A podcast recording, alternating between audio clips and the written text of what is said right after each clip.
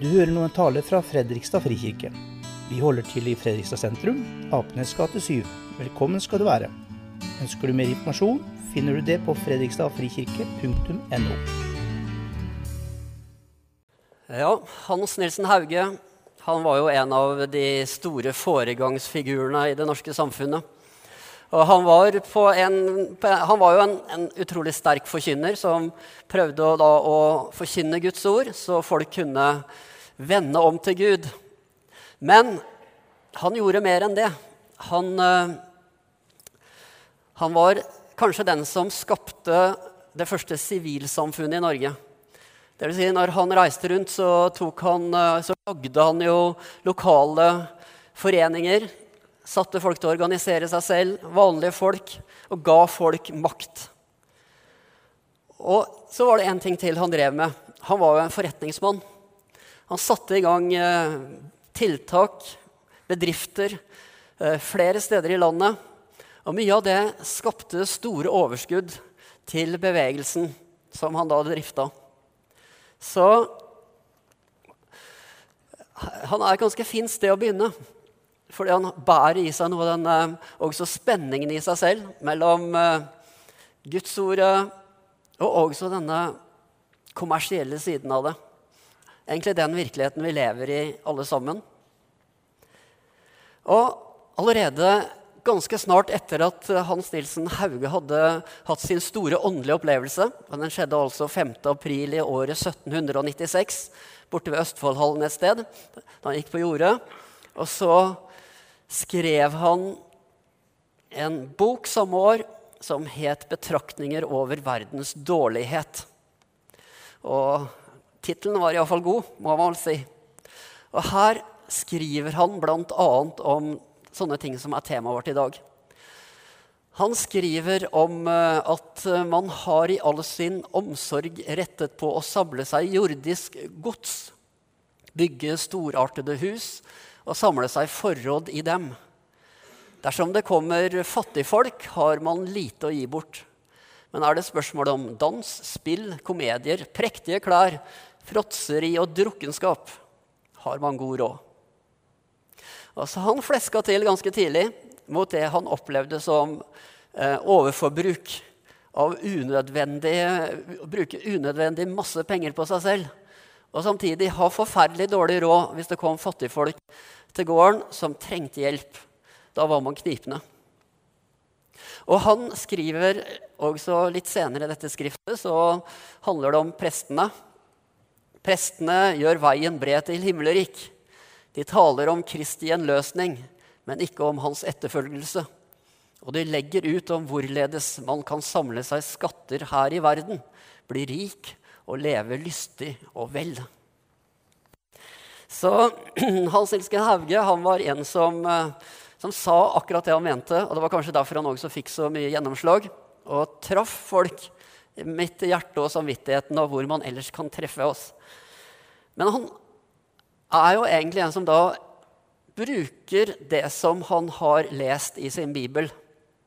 For Bibelen er virkelig full av ord som handler om rettferdighet, omsorg for de fattige, og om det, de farene som er det å ha makt og rikdom.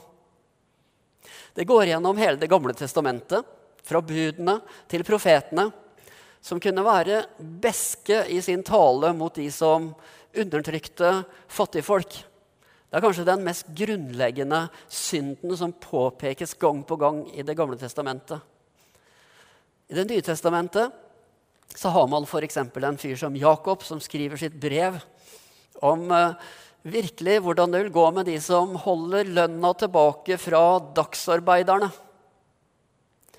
Eller eh, Paulus, som vi allerede har hørt lest fra, som altså skriver om eh, de som vil bli rike. At det er lett å falle i fristelser, at det er lett å få masse tåpelige og skadelige begjær. Det er lett å bli ført vill, det er lett å bli ført bort fra Jesus og troen, sier Paulus.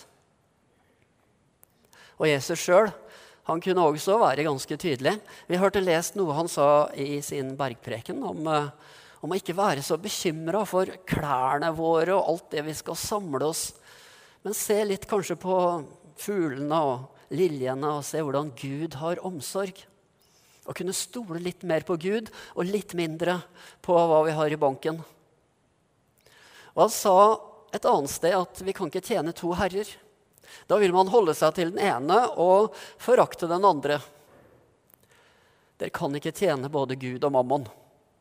Og mammon han er jo en litt sånn gåtefull skikkelse. For mammon er en slags gud, men egentlig så handler det om vårt eget begjær etter ting, penger, alt det som får oss til å sentrere rundt oss sjøl hele tida. Og jeg vil tro at dere er omtrent som meg når det gjelder det. At det er veldig lett å begynne å fylle tanker og ønsker og framtidsplaner med det som vi skal ha. Og man får denne skal ha-syken, og det er alltid noe vi ikke har, som vi burde ha.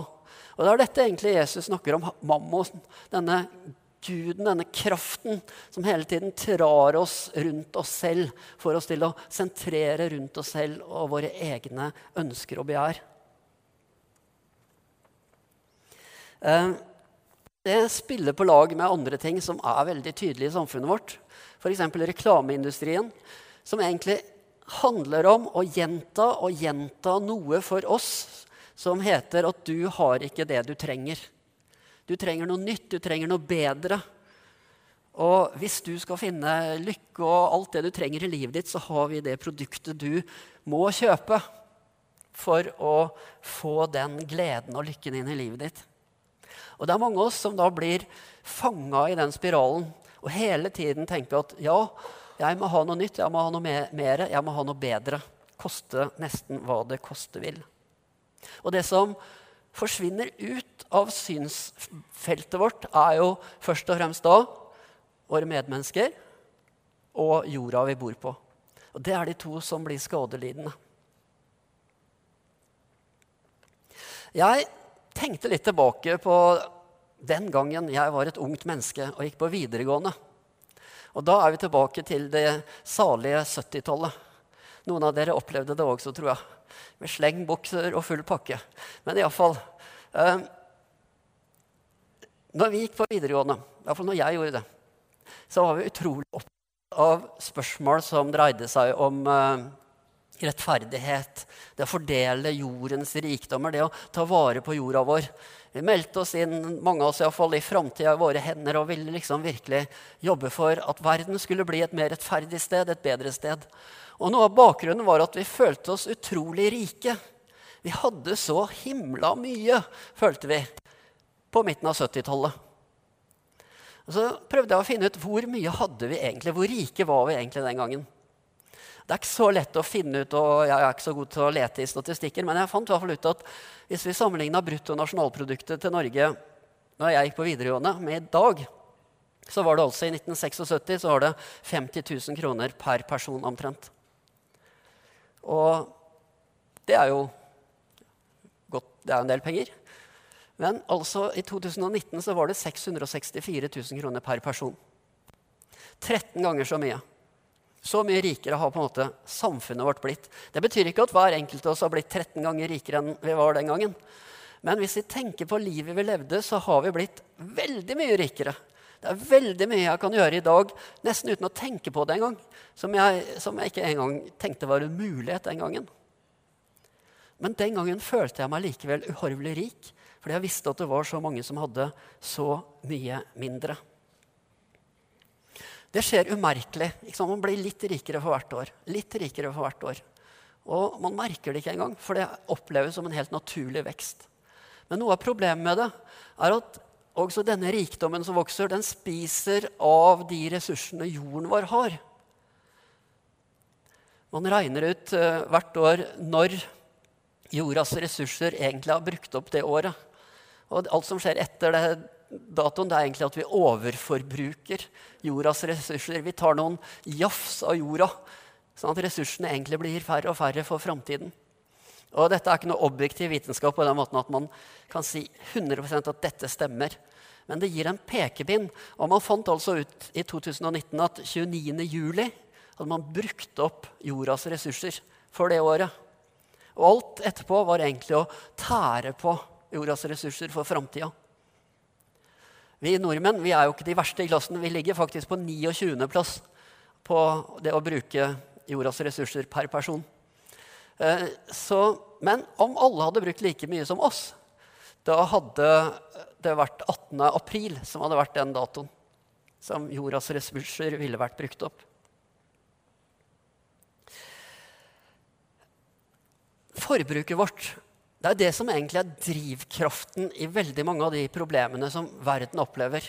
Altså Når man hugger ned regnskogene, når man eh, eh overforbruker eh, ressursene i havet, når man eh, utrydder, sånn som nå, artene, eh, dyrene i naturen i, en, et tempo som aldri har skjedd før på jorda så, Og når vi forsøpler havene som er tema for årets innsamlingsaksjon eh, i TV for øvrig, så handler det egentlig alltid om at vi bruker for mye. Vi bruker mer enn det vi kan. Og det er fryktelig vanskelig å snu den trenden. Hva er et kristent svar på denne utfordringen? Altså, Hva ville Jesus gjort hvis han var her sammen med oss nå? Hvordan ville forbruksmønsteret til Jesus være? Vi vet jo at Den gangen han levde, så sa han at han hadde ikke engang en stein til å hvile hodet på, så han brukte ikke mye. Men hvordan ville han egentlig vært i dag? Det er ikke så lett å si. Men i Det nye testamentet som vi har lest, så handler det altså om å ha et perspektiv på livet sitt som handler om rettferdighet og om personlig ansvar. At jeg kan ikke bare gjemme meg bak hva alle andre gjør, og hvordan alle andre forbruker, men jeg er ansvarlig for hva jeg velger. En gang vet vi at det kom en rik ung mann til Jesus. Og Jesus sa til han, 'Gå bort og selg alt du eier. Selg det til det fattige, og kom og følg meg.' Og Det er en ganske vanskelig tekst. For det er jo ingen av oss som tenker at det kan vi iallfall ikke gjøre. Og det tror jeg egentlig er riktig. Fordi det er ikke det som er formaningen i Det nye testamentet eller Bibelen. Det er til ett menneske i en helt konkret situasjon. Og jeg tror det er sjelden Jesus gir akkurat den utfordringen. Men vi leste faktisk noe nå om en generell utfordring som Paulus skriver til menighetene. Altså, hva, han sier ikke at de rike selv alltid eier, men han sier eh, at vi skal formane de som er rike. Altså sånne som oss. Ikke bli overmodige. Ikke sette vår lit til pengene. Fordi vi kan ikke leve på dem, vi kan ikke dø på dem, vi kan ikke stole på dem. Og så sier han, ikke stol på det, men vær såpass fri i forhold til alt du eier, at du kan gjøre det gode, at du skal være rike på gode gjerninger, være gavmilde og dele med andre. Altså har vi fått mye, som mange av oss har fått, selv om vi kanskje ikke alltid føler det sånn, så er utfordringen Gud gir oss, er gjør det gode med det du har fått. Del med andre det du har fått. Vær gavmild, vær sjenerøs. Ikke tenk så mye på hele tiden hvordan skal disse pengene vokse, eller hva kan jeg bruke mer, eller hva kan jeg ønske meg mer. Men tenk på om du har fått så mye at du faktisk har et helt bra liv så er kanskje ikke målet ditt å få et enda bitte litt bedre liv. Men da kan du bruke denne velsignelsen til å spre ut. Jeg skal love deg Nei, det kan jeg ikke. Jeg kan, man kan ikke love noe som helst. Men man kan iallfall tenke seg at det livet som er litt mer frigjort fra hele tiden å leve i denne karusellen med å skaffe oss mer og mer, men klarer å liksom legge det litt bak seg og, og, være opptatt av å gi og velsigne andre mennesker også med det vi har av materielle goder. Jeg tror at det blir et rikere liv. Jeg tror vi kommer til å føle at det livet er bedre. Og det er noe med at Når vi hele tiden setter vår glede og håp i den neste tingen vi kjøper, så er det noe som må gjentas hele tiden. F.eks. du må ha en ny mobiltelefon, for den gamle din er ett år gammelt, og nå er det bedre kameraer å få alt mulig på den mobiltelefonen. Og du kan ikke utholde tanken at det finnes noe bedre, så du må kjøpe den. Men etter en stund så kommer det noe som er enda bedre på markedet. Og du begynner å tenke på samme måten. Mange gjør det. Og sånn kan det være på mange områder i livet. Altså, det gir oss aldri den tilfredsstillelsen og gleden som gjør at vi kan slappe av og si at dette er bra. Vi må prøve å bryte litt den, eh, det mønsteret med hele tiden å tenke at det er det jeg ikke har, som kan gjøre meg lykkelig, som vil gjøre livet mitt bra.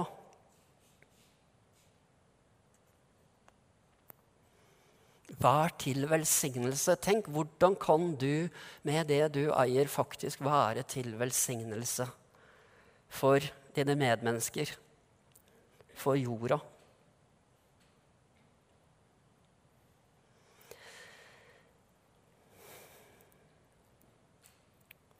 Ehm, hvordan tenker jeg at f.eks. en menighet sånn som dette kan være med på å realisere noe av denne utfordringen.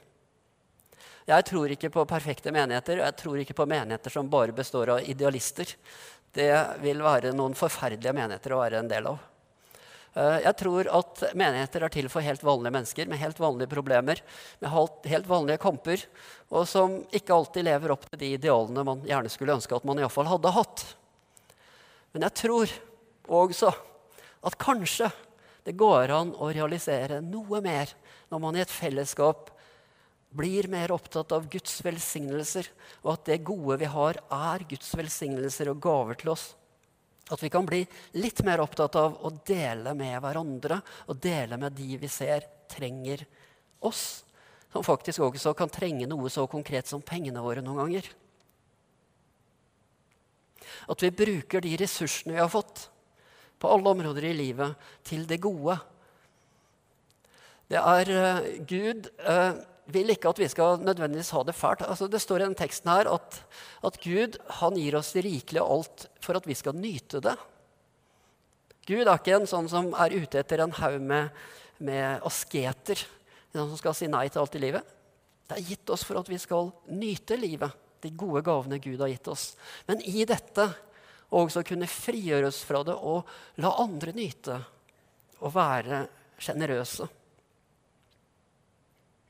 og om mulig kunne vise at vi har andre verdier, andre ting som er viktigere for oss enn alltid å tjene mer, forbruke mer.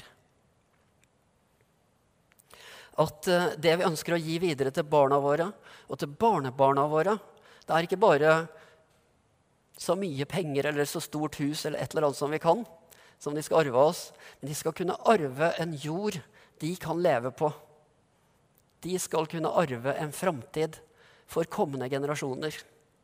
Og skal vi klare det, da må vi på en eller annen måte bryte ut av sirkelen der vi hele tiden selv skal bygge himmelriket vårt her på jorden med stadig flere ting. Vi skal synge en bønn sammen uh, som handler om å be Gud om å lære oss å se den veien vi skal gå på og at de gavene han gir oss, er gitt oss for å dele. Gud, lær meg å se at hvor jeg går, følger du med.